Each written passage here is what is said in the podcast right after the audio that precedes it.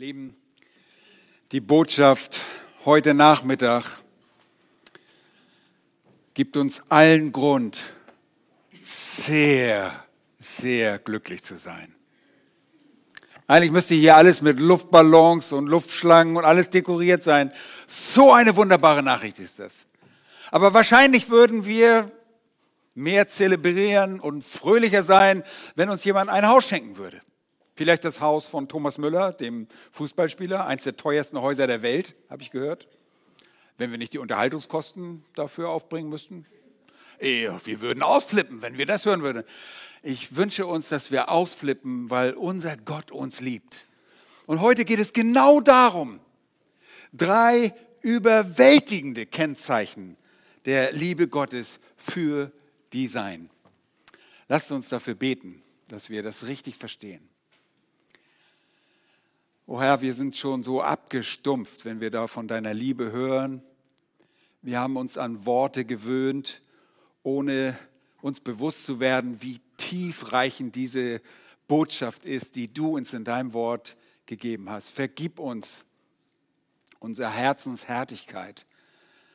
Lass uns erkennen, welch große Liebe du zu uns hast damit auch wir gedrängt werden, anderen Menschen davon gerne zu sagen, ohne dass wir uns fürchten, sondern dass wir dich fürchten und nicht in einen Fallstrick geraten und Menschen fürchten. Erbarme dich, dass wir recht verstehen, was du sagst und dass das in unserem Leben den rechten Niederschlag findet, die richtige Anwendung. Darum bitten wir dich, um deines Namens willen. Amen. Bevor wir zu diesen drei überwältigenden Kennzeichen der Liebe Gottes für die Seinen kommen, wollen wir noch einmal uns Johannes 3, Vers 16 anschauen. Das haben wir schon getan, aber dort heißt es, denn so hat Gott die Welt geliebt. Wir haben uns schon damit auseinandergesetzt, wie Gott die Welt geliebt hat und es auch noch tut. Die Liebe Gottes für die Welt wird, wie wir wissen, durch seine allgemeine Gnade oder seine allgemeine Güte sichtbar. Und sie wird für die ganze Welt durch sein Mitgefühl manifestiert. Und wir haben in der Schrift aufgezeigt, wie Gott Erbarmen hat.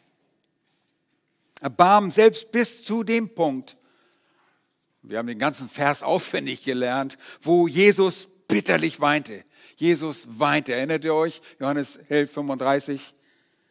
Als er die missliche Lage der Menschen sah, weinte er. Und sein Erbarmen sieht man auch in den Heiligungen, äh, äh, den Heilungen während seines Erdendienstes, als er nicht an diesen Menschen vorbeigeht. Seine große Barmherzigkeit, als er den Menschen zur Zeit ihrer größten Not auch physisch half. Und außerdem ist Gottes Liebe für die ganze Welt in den Warnungen der Bibel zu sehen. Und du und ich, wir werden zu Agenten der Liebe Gottes, wenn wir diese Warnung aussprechen, unserem Nächsten gegenüber. Und in der Heiligen Schrift warnt Gott immer wieder vor der Sünde und ihren Auswirkungen und vor dem ewigen Gericht. Und wir erkennen Gottes uneingeschränkte Liebe in dem wunderbaren Evangelium, das sich auf die ganze Welt erstrecken soll. Und du und ich, wir haben den Auftrag, dieses Evangelium weiterzugeben und so zu Botschafter der Liebe Gottes zu werden. Und den Menschen soll gesagt werden, wenn sie zu Christus kommen, können ihre Sünden vergeben werden und sie können ewige Hoffnung auf ein ewiges Leben im Himmel haben. Das ist die Weite der Liebe Gottes, seine uneingeschränkte Liebe. Aber wir haben auch gesehen, dass Gottes Liebe in ihrem Maß eingeschränkt ist. Obwohl er die ganze Welt liebt, liebt er sie nicht in demselben Ausmaß, wie er die Seinen liebt. Alle, die wir zum Herrn gehören, wir werden besonders geliebt. Und für die Gläubigen aller Zeiten empfindet Gott eine Liebe, die über die Liebe hinausgeht, die er für die Welt empfindet. Nun, die Liebe für die Welt ist irdisch, sie ist zeitlich begrenzt und sie existiert deshalb auch nur in diesem zeitlichen Rahmen, in, in diesem Zeitalter, nur in diesem Leben. Diese Liebe verwandelt sich auch schließlich, wenn es keine Entgegnung gibt, wenn Menschen Christo, Christi Liebe ablehnen, verwandelt sie sich in Hass. Und dieser Hass führt letztlich zum ewigen Gericht, zu einer ewigen Verdammnis. Es ist Liebe, wenn wir das weitersagen, wenn wir Menschen warnen. Die traurige Wahrheit ist, dass Gott die Welt zwar liebt und dass er ihr gegenüber zwar barmherzig ist und ihr auch diese allgemeine Gnade erweist, Jesus jedoch sagt, dass sie nicht zu ihm kommen werden, um das Leben zu haben. Und die Menschen lehnen ab, was Gott ihnen anbietet. Und deshalb verwandelt Gottes Liebe sich in Hass und in Gericht. Aber, jetzt kommt dieses große Aber, aber allen, die Gottes Liebe, die alle, die Gottes Liebe annehmen, die zu Christus kommen, die sich vor Christus als Herrn und Retter beugen, die an seinen Tod und seine Auferstehung glauben und ihr Leben im Gehorsam seinem Willen unterordnen. All jenen erweist Gott eine Liebe, die über diese Liebe, diese allgemeine Liebe für die ganze Welt hinausgeht. Er liebt die Sein mit einer Liebe, die weit, weit über all das hinausgeht. Sie ist größer, als wir uns sie vorstellen. Er liebt die Sein mit einer Liebe, die an die Grenzen seiner Fähigkeit zu lieben geht. Versteht ihr das? Ich sage es nochmal. Er liebt bis an die Grenze seiner Fähigkeit. Was wissen wir über Gottes Fähigkeiten? Sie ist grenzenlos. Und so ist seine Liebe. Unglaublich. Und das haben wir letztes Mal ein wenig illustriert bekommen an dem Beispiel des Volkes Israel an Jerusalem, das stellvertretend für Israel stand dort in Hesekiel Kapitel 16.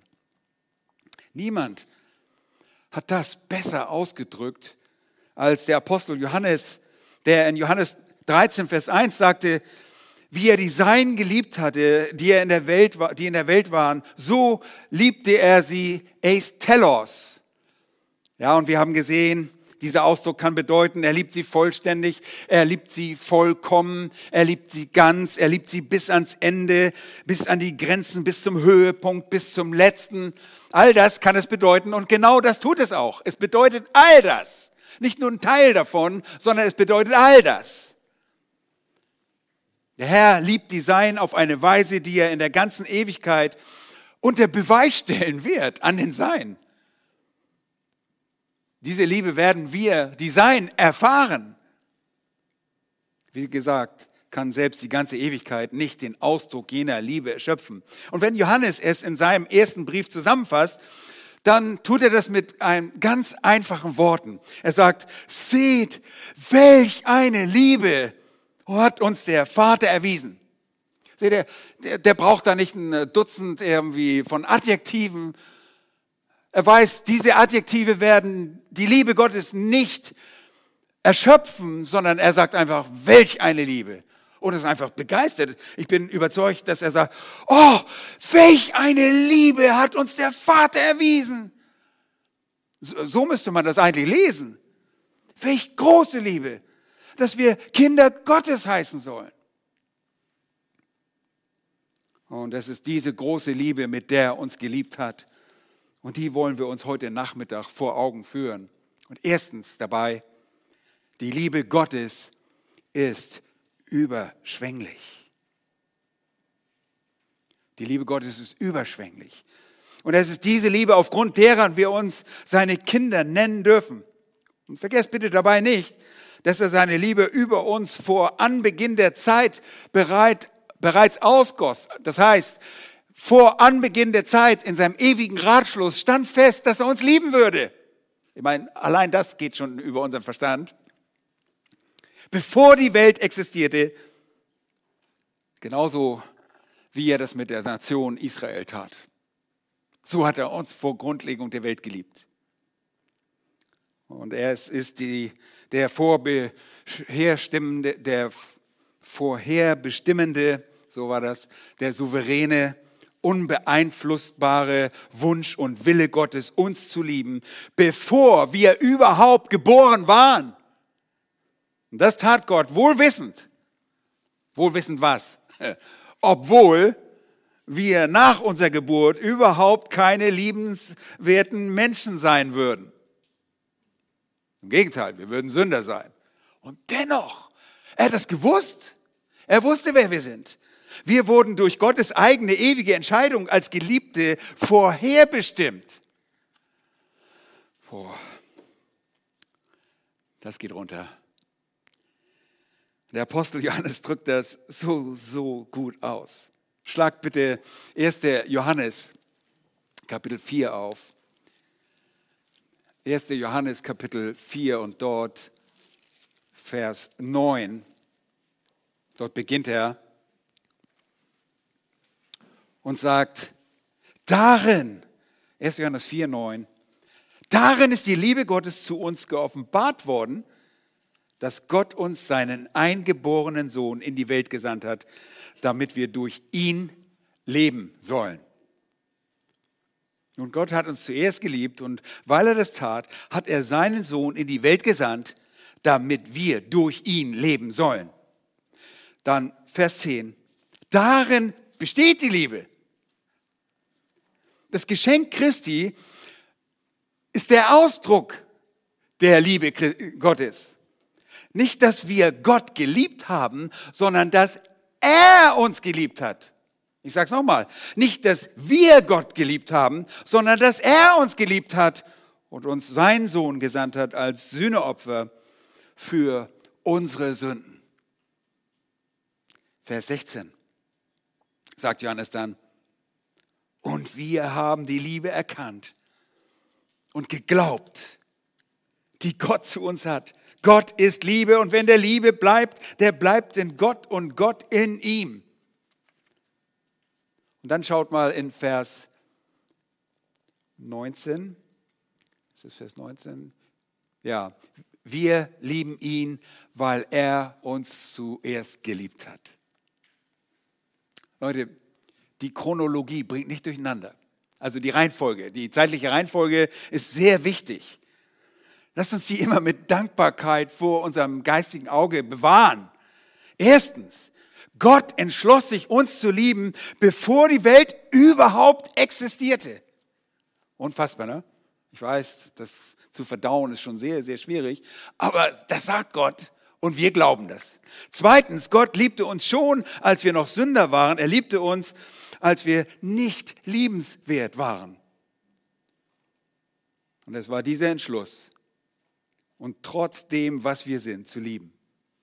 Ihr Lieben, das stellt den Kern von Gottes großer, erlösender und dieser überschwänglichen Liebe dar. Das ist der Kern davon. Und die Botschaft ist, dass Gott Sünder liebt und seinen Sohn in die Welt sandte, um sie zu erlösen. Und über alle, die glauben, und diese Erlösung annehmen, gießt er für immer und ewig seine Liebe aus. Für immer und ewig. Das geht so einfach über die Zunge, aber für immer und ewig. Die Liebe hat keine Grenzen. Grenzenlose Liebe. Und das wird zuerst dadurch demonstriert, dass er bereit war, für uns zu sterben und dann wird er den Rest der Ewigkeit damit verbringen, diese Liebe an uns auszudrücken. Was für ein Rätsel. Was für ein Rätsel. Wie können wir je verstehen, warum er sich entschied, uns auf solch eine Art zu lieben? Nun, wir könnten leichter verstehen, wenn er gesagt hätte, nun, ich sehe ein, dass ihr ein paar, dass ihr insgesamt ein Haufen jämmerliche Sünder seid. Ich werde euch in meinen Himmel na, so reinlassen, so mal gerade so durch die enge Tür könnt ihr euch da reindrängen und ihr könnt auch ein paar Dinge genießen, aber erwartet ja nicht zu viel. Das könnte man sich vorstellen, oder? Das wäre schon, wäre schon großherzig. Das wäre gewissermaßen ein minimalistischer Ausdruck der Liebe Gottes, wenn das geschehen würde. Aber das ist nicht so. wir fragen uns, warum drückt der Herr nicht seine höchste Liebe aus für die heiligen Engel, die immer bei ihm waren, die, als er, nachdem er sie geschaffen hat, nie abtrünnig wurden, immer an den Gott glaubten, äh, der sie geschaffen hatte. Er verdammte die Engel, die gefallen sind, ohne Hoffnung auf Erlösung. Aber warum erlöst er immer noch sündige Menschen? Das ist unfassbar. Offen gesagt wissen wir die Antwort darauf nicht, außer dass er sich vorher entschloss, uns zu lieben und uns durch diese Liebe äh, zu sich zu ziehen, zu ihm zu ziehen. Ja. Ein Liederdichter drückte das einmal erstaunlich passend aus. Zitat, er sagte, ich weiß nicht, warum Gottes Gnade mir je ward offenbar, noch warum ich erlöset bin, der ich ein Sünder war. Doch ich weiß, an wen ich glaube, und seine Hand kann mich nichts entreißen. Mein Erbteil wird er mir wahren auf den Tag, da er erscheint. Zitat Ende. Wir wissen nicht, warum das so ist.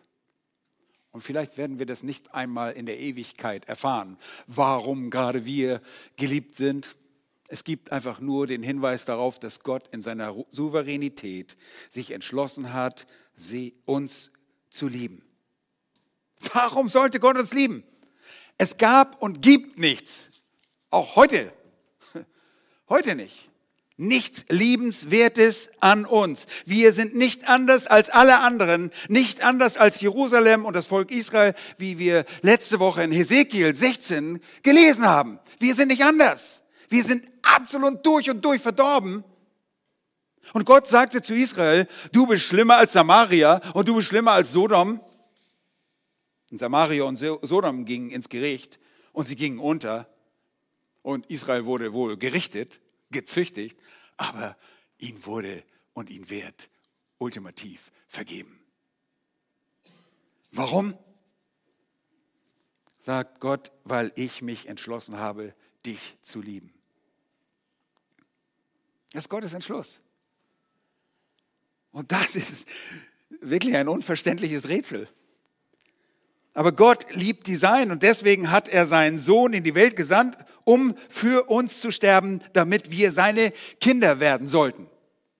Nun, äh, Gott ist sicherlich Kinder in einem physischen Sinne, in einem schöpferischen Sinne für alle. Aber wir durch den Glauben sind sein Eigentum geworden. Er hat uns erkauft. Wenn wir durch Glauben an Jesus Christus seine Kinder werden, dann dürfen wir eine besondere Art der Liebe genießen. Das volle, überschwängliche Ausmaß seiner Liebe, das allein den Gläubigen vorbehalten ist. Und das ist, worüber wir heute Nachmittag reden wollen. Und wir wollen mal sehen, ob unsere Herzen so ein bisschen weich werden dafür, uns freuen können daran. Einfach neu freuen an der Liebe Gottes. Ich weiß, das ist nichts Neues. Ich, ich sage euch ja nichts Neues. Wäre schlimm, wenn ich was Neues verkündigen würde. Dann holt mich bitte von der Kanzel runter, weil es gibt nichts Neues unter der Sonne. Es ist einfach nur eine Erinnerung daran, wie Gott die Seinen liebt. Gott manifestiert seine Liebe für diejenigen, die zum Glauben an seinen Sohn kommen. Und dafür lasst uns zurückgehen zu Lukas Kapitel 15. Lukas 15 dürfte euch sehr vertraut sein, vielen von euch zumindest. Ihr erinnert euch noch an die dreiteilige Serie über den verlorenen Sohn oder vielmehr den liebenden Vater. Es ist das Gleichnis des verlorenen Sohnes, besser gesagt das Gleichnis des vergebenden und liebenden Vaters. Und das beginnt dort in Lukas 15, Vers 11. Jesus sagt dort, ein Mensch hatte zwei Söhne. Und der jüngere von ihnen sprach zum Vater, gib mir den Teil des Vermögens, der mir zufällt, Vater. Und er teilte ihnen das Gut. Und nicht lange danach packte der jüngere Sohn alles zusammen, reiste in ein fernes Land und dort verschleuderte er sein Vermögen. Mit ausschweifendem Leben. Nachdem er aber alles aufgebraucht hatte, kam eine gewaltige Hungersnot über jenes Land. Und auch er fing an, Mangel zu leiden. Da ging er und hängte sich an einen Bürger jenes Landes, der schickte ihn auf seine Äcker, die Schweine zu hüten. Ihr wisst, was das für einen israelischen jungen Mann bedeutet, Schweine zu hüten. Das ist das Letzte, was ihr euch vorstellen könnt für einen jüdischen Jungen. Dann heißt es weiter, und er hätte seinen Bauch gerne mit den Schoten gefüllt, die die Schweine fraßen, und niemand gab ihm etwas, irgendetwas. Er kam aber zu sich selbst und sprach, hm, wie viele Tagelöhner meines Vaters haben Brot im Überfluss, ich aber verderbe vor Hunger. Ich will mich aufmachen und zu meinem Vater gehen und zu ihm sagen, Vater, ich habe gesündigt gegen den Himmel und vor dir und bin nicht mehr wert, dein Sohn zu heißen. Mache mich zu einem deiner Tagelöhner. was macht er dann? Und er macht sich tatsächlich auf. Seine Gedanken werden zur Handlung. Er machte sich auf, ging zu seinem Vater und als er, der Vater noch fern war, sah ihn, als, als, als der junge Mann noch fern war, sah ihn sein Vater und hatte Erbarmen. Und er lief, fiel ihn um den Hals und küsste ihn. Und der Vater ist Gott und der Sohn ist der gottlose Sünder. Nochmals, ich sage das in einem schöpferischen Sinne, ist äh, jeder Mensch Vater eines Sünders, aber jeder Sünder hat Privilegien, ja, denn er wurde als Abbild auch Gottes geschaffen. Aber dieser junge Mann stellt den Sünder dar, der diese Privilegien mit einem verschwenderischen, mit einem gottlosen Leben vergeudete. Und er nahm alle guten Dinge, die Gott ihm gab, und zog aus und verschwendete sie durch eine zügellose Lebensweise, Sittenlosigkeit, Trunkenheit, und ich brauche euch das nicht zu sagen, eine von euch, einige von euch sind selbst durch diese Dinge hindurchgegangen. Alles, was ihr euch noch so vorstellen könnt, so hat er sein Geld verschleudert. Aber er kommt an einen Punkt, wo er inmitten seiner Ausschweifung erkennt, dass er den Boden, ähm, den Tiefpunkt erreicht hat. Er teilt Schweinefutter aus. Und er kämpft praktisch mit den Schweinen um das Essen. Ich meine, das, das ist, ja, das würde ich auch sagen. Also so ein, ein Kampf um das Schweine, um das Fressen der Schweine. Aus dem Futtertrog. Und er erkennt, dass er nicht so leben sollte.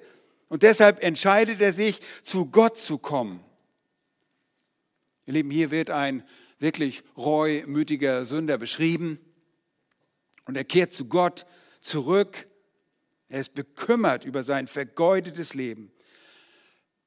Er ist bekümmert über die Verschwendung all der wunderbaren Gaben, die ihm verlieben worden waren, indem er als Abbild Gottes geschaffen worden war. Und er hat seine Zeit und alle seine Chancen vergeudet. Aber er hat einen Vorteil. Er weiß, wo er ist. Er wird sich seiner Situation bewusst. Er versteht sein Verdorbensein. Nur manchmal verstehen wir nicht unser Verdorbensein, unsere Verderbtheit. Ja, besonders wenn wir aus gläubigen Elternhaus kommen. Ich komme auch aus einem gläubigen Elternhaus, aber der Herr hat mir später in meinem Leben aufgezeigt, Borchmann, du bist total verdorben. Und dieser Mann, er will jetzt nachdem er festgestellt hat, wer er wirklich ist, er will zurückgehen und alles in Ordnung bringen mit seinem Vater, mit Gott und deshalb geht er auch zurück. Und schaut mal in Vers 20, da seht ihr deshalb, wie Gott einem reumütigen Sünder seine Liebe erweist. Als er noch weit weg war, also immer noch sehr weit entfernt. Er war noch nicht einmal in der Nähe seines Vaters. Da sah ihn bereits der Vater. War nicht in der Nähe, aber der Vater hielt Ausschau. Und der Vater hatte Erbarmen mit ihm. Und er rannte los und vielleicht erinnert ihr euch, in, in der orientalischen, in dieser Zeit, äh, lief ein Mann nicht, schon gar nicht mit so langen Gewändern. Dafür musste man dieses lange Gewand anheben und das war eine Verunehrung. Das tat man nicht. Aber dieser Mann tut es. Er läuft seinem Sohn entgegen. Er hatte Erbarmen. Und dann heißt es, und er küsste ihn. Immer wieder. Immer wieder küsste er ihn. Und du sagst, wo steht das? Nun, das drückt dieser griechische, das griechische Verb aus, dieses kontinuierlich immer wieder küssen. Es war nicht nur ein, ein kleines bisschen, so wie ich Alex küsse. Äh, Nein, sondern kontinuierlicher Kuss vor Liebe. Und hier seht ihr ein Bild der Liebe Gottes. Und das Erstaunliche an dieser Liebe ist, dass sie jemanden erwiesen wird, der sie absolut nicht verdient hat. Der stinkt nach Schwein. Ich meine, reicht schon, wenn du in der Kneipe warst, dann riechst du auch wie ein Schwein. Also früher durfte man rauchen, aber wenn du da rauskamst, dann hast du wie ein Schwein gerochen. Völlig durchgeräuchert und kamst nach Hause und wenn du noch ein Bier getrunken hast, dann hast du wie eine Schnapsleiche gerochen. Der kommt aus dem Schweinestall. Und der, der Vater küsst ihn immer wieder. Er hatte Chancen und Privilegien vergeudet und dann, dennoch sieht der Vater ihn und er hat Erbarmen mit ihm. Der Vater läuft zu ihm, werft seine Arme um ihn und küsst ihn immer wieder. Und hier sehen wir liebevolle Barmherzigkeit. Hier sehen wir Vergebung. Hier sehen wir das Mitgefühl. Hier ist ein Vater, der seinen Sohn behandelt, als ob es keine sündige Vergangenheit gäbe. Ist weg. Gott erinnert sich nicht daran. Dieser Vater erinnert sich nicht daran. Er will das aus der Welt schaffen. Hier sehen wir eine überschwängliche Zuneigung. Hier gibt es keinen Widerwillen, der sagt, nun, ich weiß, du hast wirklich ein lasterhaftes Leben geführt und ich werde dich zwar ins Reich einlassen, aber eigentlich, eigentlich sollte ich das nicht tun. Nichts davon, nichts dergleichen. Es gibt keine Vergangenheit. Das ist vorbei, sie ist überwunden, sie ist verschwunden. Und alles, was der Sohn erlebt, ist die Umarmung und die wiederholten Küsse und die überschwängliche Freude und die Liebe des Vaters. Leute, seid ihr begeistert von unserem Gott? Ja, wunderbar. Und das steht genau dafür, wie Gott den bußfertigen Sünder liebt. Dich und mich. Liebe für die Seinen. Er liebt jeden, der zu ihm kommt. Er liebt ihn überschwänglich. Er liebt ihn im großen Maße. Absolut liebevoll. Und der Sohn ist darüber so schockiert, ja, der hat sich zwar ausgemalt, ja, zu den Tagelöhnern werde ich wieder dazugehören. Das könnte vielleicht, wenn ich Glück habe, wird er mich ein zu, zu den Tagelöhnern machen. Nein, der ist, schaut mal, Vers 21. Sagt er zum Vater, Vater, ich habe gesündigt gegen den Himmel und vor dir und ich bin nicht wert, dein Sohn zu heißen. Es ist fast so, als würde der Sohn den Vater jetzt wegstoßen und sagen, hey, hey, Moment mal, du verstehst wohl nicht, verstehst du nicht, was ich getan habe? Vater, du verstehst nicht. Begreifst du denn nicht, was für ein Mensch ich wirklich bin? Sieht fast so aus, als könnte er damit nicht umgehen. Und das ist wirklich eine umfassende Erniedrigung, eine demütigende Erfahrung. Und die erste Sache, die euch in eurem Leben äh, demütigt, wenn ihr vor Gott kommt, das ist das Bewusstsein eurer absoluten Verderbtheit, eurer Sünde. Das ist das allererste. Das ist so demütigend. Und er wurde gedemütigt als ein Schweinehirte, sage ich so, ja, einer, der Schweinefutter aß. Und er wurde gedemütigt, weil er sein vergeudetes Leben zurückblickte und sich dessen bewusst wurde. Und er wusste, was er vom Vater zu erwarten hatte. Er ging zurück, bekannte seine Sünde gegen den Himmel und vor dem Angesicht seines Vaters. Er war ein wahrer Bußfertiger. Und er wendet sich von seiner Sünde ab, wendet sich von seinem vergeudeten Leben ab, kommt vor Gott und wird vor allen Dingen durch seine Sünde gedemütigt. Aber noch wichtiger, als durch die eigene Sünde gedemütigt zu werden, ist, durch die Gnade Gottes gedemütigt zu werden. Was? Gott nimmt mich an? Gott nimmt mich an? Und was macht er aus mir? Er macht mich nicht zum Tagelöhner. Er macht mich zu seinem lieben Sohn. Das Einzige, was demütigender ist als das Bewusstsein der eigenen Sünde, ist das Bewusstsein von Gottes Gnade. Das ist viel demütigender.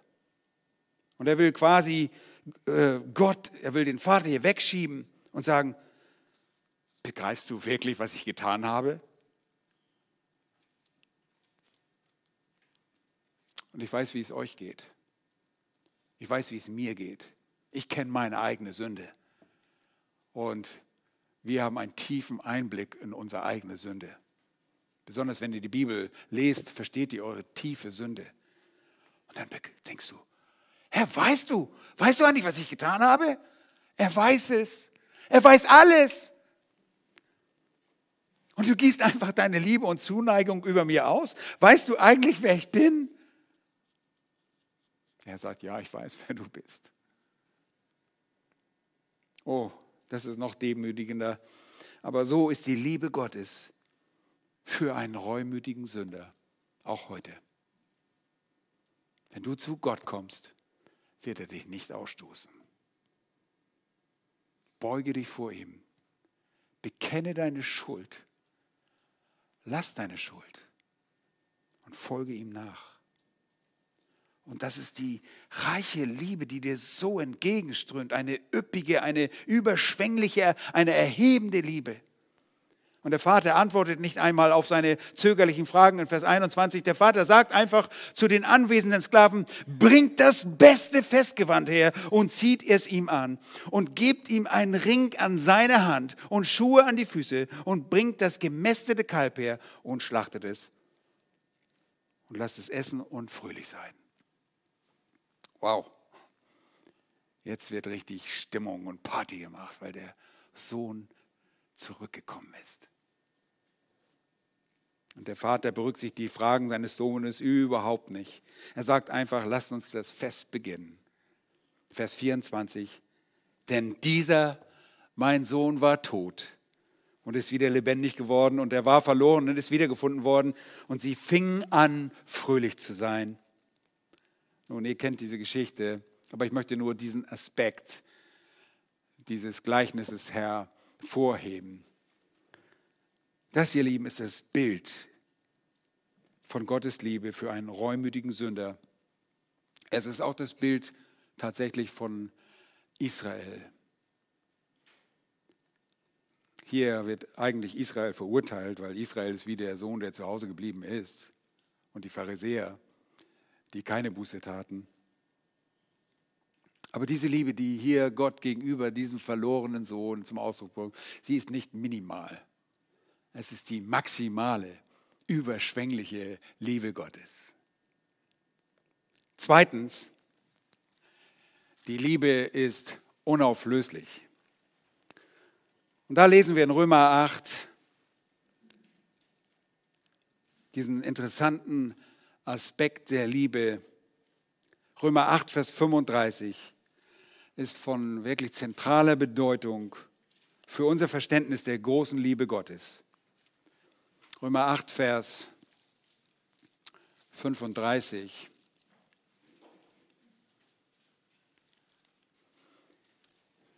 Lest mit mir Vers 35. Wer will uns scheiden von der Liebe des Christus? Und Paulus stellt hier wirklich nur eine rhetorische Frage. Etwa Drangsal oder Angst oder Verfolgung oder Hunger oder Blöße oder Gefahr oder Schwert? Vers 36, wie geschrieben steht, um deinetwillen werden wir getötet den ganzen Tag, wie Schlachtschafe sind wir geachtet. Und Vers 36 stammt aus Psalm 44. Paulus fragt, was wird uns von der Liebe, die Gott uns in Christus gegeben hat, trennen? Ich meine, wir werden jeden Tag, den ganzen Tag lang getötet. Er lebte ja ähm, ständig am Rande des Todes. Wer die Geschichte des Paulus kennt, der weiß, wie oft er in Lebensgefahr war. Könnt ihr nachlesen, auch im 2. Korinther Kapitel 12, wenn ihr euch das in Erinnerung rufen wollt. Er wurde immer von irgendjemandem, der seinen Tod wollte, wie ein Schaf auf dem Weg zur Schlachtbank angesehen. Und das war einfach das Muster seines Lebens. Und er fragt, wird uns das trennen? Wird mich das trennen? Wird Drangsal mich trennen von der Liebe Gottes? Wird Angst oder Verfolgung, Hunger, Blöße, Gefahr, Schwert oder das Schwert von der Liebe Gottes trennen? Und die Antwort folgt in Vers 37. Aber in dem allen überwinden wir weit durch den, der uns was? Geliebt hat. Geliebt hat. Wir überwinden. Seht ihr, das ist eine persönliche Erfahrung des Paulus und das wird zur persönlichen Erfahrung eines jeden Christen. Wir sind Überwinder, aber nicht aus uns selbst, sondern durch den, der uns geliebt hat. Paulus sagt, ich habe Bedrängnisse erlebt, aber Gott hat nicht aufgehört, mich zu lieben. Ich habe Kummer erlebt, aber Gott hat nicht aufgehört, mich zu lieben. Ich wurde verfolgt, ich habe Hunger gehabt, ich habe gelitten, ich war nackt, ich war in Gefahr, jede erdenkliche Gefahr. Ich habe am Rande des Todes gestanden. Ich habe all das durchlitten.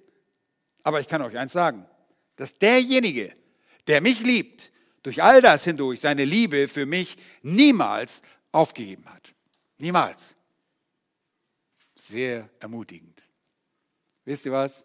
Ich war so ermutigt, als ein Kollege, der in Kiew mit seiner Gemeinde ausharrt, im Keller eines Parkhauses, sagte, ich bin nicht hier zu überleben, sondern die Liebe Gottes zum Ausdruck zu bringen. Einfach dieses tiefe Vertrauen. Das trennt uns nicht von der Liebe. Und wenn mir eine Bombe auf den Kopf fällt und ich direkt in die Gegenwart Gottes transportiert werde, was kann mir Besseres passieren? Vers 38 dort, denn ich bin gewiss, dass weder Tod noch Leben, weder Engel noch Fürstentümer noch Gewalten, weder Gegenwärtiges noch Zukünftiges, weder Hohes noch Tiefes, noch irgendein anderes Geschöpf uns zu scheiden vermag von der Liebe Gottes, die in Christus Jesus ist, unserem Herrn. Ihr Lieben, die zweite Sache also, die wir über Gottes Liebe für die Seinen lernen, ist, dass sie eine unauflösliche, eine untrennbare, un äh, oder immerwährende Liebe ist. Sie verblasst nie. Sie hört nicht auf. Ich meine, wie oft hören wir das von irgendwelchen Leuten, die meinen, dass sie geliebt haben? Ich liebe sie nicht mehr. Dann sucht sich eine neue Frau oder einen neuen Mann. Das ist keine Liebe. Gott zeigt uns, was Liebe ist. Sie hört nicht auf. Unauflöslich, untrennbar sind wir in diesem Zusammenhang Sie wird nie weniger. Sie erkaltet nicht. Sie ändert sich nie. Gott liebt und mit einer immerwährenden Liebe. Und da sind wir eigentlich wieder bei dem, was wir schon ein paar Predigten vorausgesagt haben. Da liebt Jesus Eis telos bis zum Ende. Vollkommen, vollständig, andauernd, ewig. Jesus, der die Seinen geliebt hat, die in der Welt waren, liebt sie bis in die Ewigkeit. Es ist eine Liebe, die nie sterben wird, nie erkalten wird, nie geringer werden wird, nie verblassen wird. Eine Liebe, von der wir nie getrennt werden können, von der uns auch nichts trennen kann. Nichts, weder Tod noch Leben, nichts Engelhaftes, nichts in der Gegenwart noch in der Zukunft, nichts, was irgendwie geschaffen wurde. Und alles wurde geschaffen, außer Gott selbst. Nichts, das existiert, kann uns von dieser Liebe trennen. Unauflösbar. Schön? Wie kann man mit, man kann mit dieser Garantie nach Hause gehen und den ganzen Tag eine Party haben. Da werden sich nur immer nur freuen. Und egal was passiert, weißt du was? Wir sind geliebt. Und wir sind in einer Ewigkeit von Gott geliebt. Und er liebt die Welt. Das ist nur ein kleiner Einschub. Er liebt die Welt mit einer irdischen Liebe, mit einer Liebe, die Mitgefühl und Güte reflektiert. Er liebt sie genug, um sie zu wahren, aber diese Liebe ist einfach nur an Zeit gebunden. Und wenn ihre Zeit abläuft, so endet auch diese Liebe für sie und sie ziehen in die Hölle und in das ewige Gericht. Aber die Seinen, die an Christus Jesus glauben, in bußfertigen Glauben zu ihm kommen, die liebt er mit einer immerwährenden Liebe, die niemals zerstört werden kann. Hoffentlich gehörst du dazu. Und wenn nicht, mach das heute fest. Kehre heute um.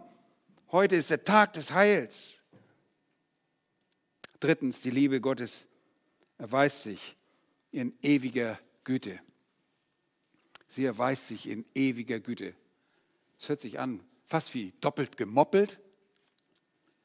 Aber in Epheser, Epheser 2, oh mein Gott, der gelatte Epheser, Epheser 2 wollen wir noch mal kurz anschauen. Dort in Vers 4 verwendet auch denselben Begriff wie bei Johannes. Um seiner großen Liebe willen, heißt es dort, mit der er uns geliebt hat. Ihr Lieben, alles beginnt mit Gottes großer Liebe. Und diese große Liebe, mit der er uns geliebt hat, und dann fährt er fort, diese Liebe zu definieren. Gott liebte uns so sehr, dass er uns, was? Als wir tot waren durch die Übertretung, das heißt also geistlich tot waren, hier liegt die Betonung wieder darauf, dass er uns geliebt hat, als wir unwürdig waren, dann heißt es, er hat uns mit dem Christus lebendig gemacht. Aus Gnade seid ihr gerettet. Oder errettet. Zuallererst hat er uns geliebt. Er hat uns in unseren Übertretungen geliebt. Ich meine nicht unsere Übertretung, die liebt er nicht. Unsere Sünde liebt er nicht, sondern uns hat er geliebt. Aufgrund dieser Liebe hat er uns souverän zusammen mit Christus lebendig gemacht. Und das bedeutet, er platzierte uns, und ihr wisst schon, wie ich das versuche immer auszudrücken, er platzierte uns in Christus als hätte er uns verschluckt. Naja, nicht so. Aber äh, wir sind in Christus und als er starb am Kreuz, starben wir mit Christus am Kreuz. Wir sind mit Christus am Kreuz gerichtet worden. Und als er auferstand, sind wir mit Christus auferweckt zu einem neuen Leben. Das ist eine geistliche Realität. Und alle, die geglaubt haben, sind mit Christus bereits gerichtet. Deshalb gibt es keine Verurteilung mehr für unsere Sünde. Alles bezahlt. Alles bezahlt. Vers 6. Er hat uns mit auferweckt. Wir kamen mit Christus zusammen aus dem Grab. Und wir sind mit versetzt in die himmlischen Regionen in Christus Jesus. Und was bedeutet das? Unser wahres Zuhause ist nicht hier, diese Erde. Paulus sagt das mal sehr deutlich, unser Bürgerrecht ist im Himmel, von wo wir den Herrn her auch erwarten. Unser wahres ähm, Leben hat geistliche Dimensionen ist außerhalb dieser Welt. Und das ist, was er für uns getan hat. Er liebte uns so sehr, dass er uns, selbst als wir tot in unseren Übertretungen waren, durch Gnade in Christus Jesus auferweckte. Er ließ uns dem, aus dem Grab auferstehen, um in einem neuen Leben zu wandeln. Und er sitzt dauerhaft in den himmlischen Regionen, wo jetzt auch unser Zuhause, das ist unser neues Zuhause, das ist unsere Behausung, da findet unser Leben statt. Von da aus werden wir regiert. Deshalb heißt es im Kolosserbrief, trachtet nach dem, was droben ist. Unsere Maßstäbe sind nicht irdische Maßstäbe, sie kommen vom Herrn. Und warum hat er das getan? Warum würde er tote Sünder retten? Warum? Vers 7. Erfahrt ihr den Grund. Und das wird mit einem sogenannten damit eingeleitet, ein Finalsatz. Zweck, damit er in den kommenden Weltzeiten eine überwältigende Aussage. Schaut nochmal hin, damit er in den kommenden Weltzeiten, das ist in aller Ewigkeit, den überschwänglichen Reichtum seiner Gnade erweise. Wie? Wie tut er das? In Güte. Wow. Was bedeutet das? Das bedeutet, dass Gott uns errettete, als wir in unseren Sünden tot waren, damit er uns für immer seine Güte erweisen könne. Für immer. Das hört nicht auf. Selbst wenn wir hier unser Leben abgeben, diese Hüllen niederlegen und wieder zur Erde werden oder wir entrückt werden, wir werden, wenn wir bei ihm sind, immer seine Güte erfahren. Eine ganze Ewigkeit lang. Und das ist verblüffend. Nur fragt jetzt vielleicht, wie verdien, wir verdienen doch aber seine Güte gar nicht. Nee, das tun wir nicht. Darum geht es. Und deshalb gebührt ihm auch viel, viel Ehre dafür, dass er uns Güte erweist. Wir werden uns ihm nicht nur für immer und ewig seine Güte danken, sondern ihm deshalb für seine Güte danken, weil wir wissen, dass wir sie nie verdient haben. Das ist das Schönste daran, oder? Ich meine, wenn wir ankommen können und sagen, na klar, du weißt ja, wie toll ich war, dann aber wisst ihr was? Wir haben das nichts verdient. Und immer nur Güte und immer nur Güte und hört keiner auf. Das können wir nicht uns richtig vorstellen, oder? Aber genau darum geht es. Er liebte uns so sehr, dass er uns für immer Güte erweisen wollte.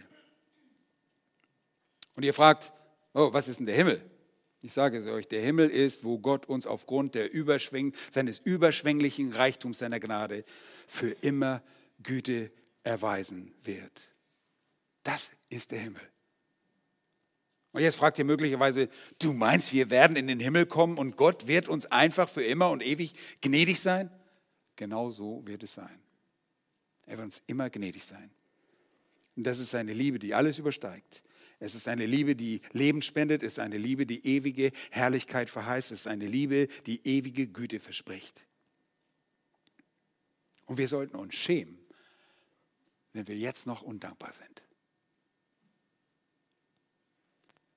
Und die Ewigkeit des Himmels ist Gott, der gnädig zu uns ist, der für immer und ewig gnädig zu uns ist. Und dennoch denken wir manchmal, was wollen wir im Himmel machen?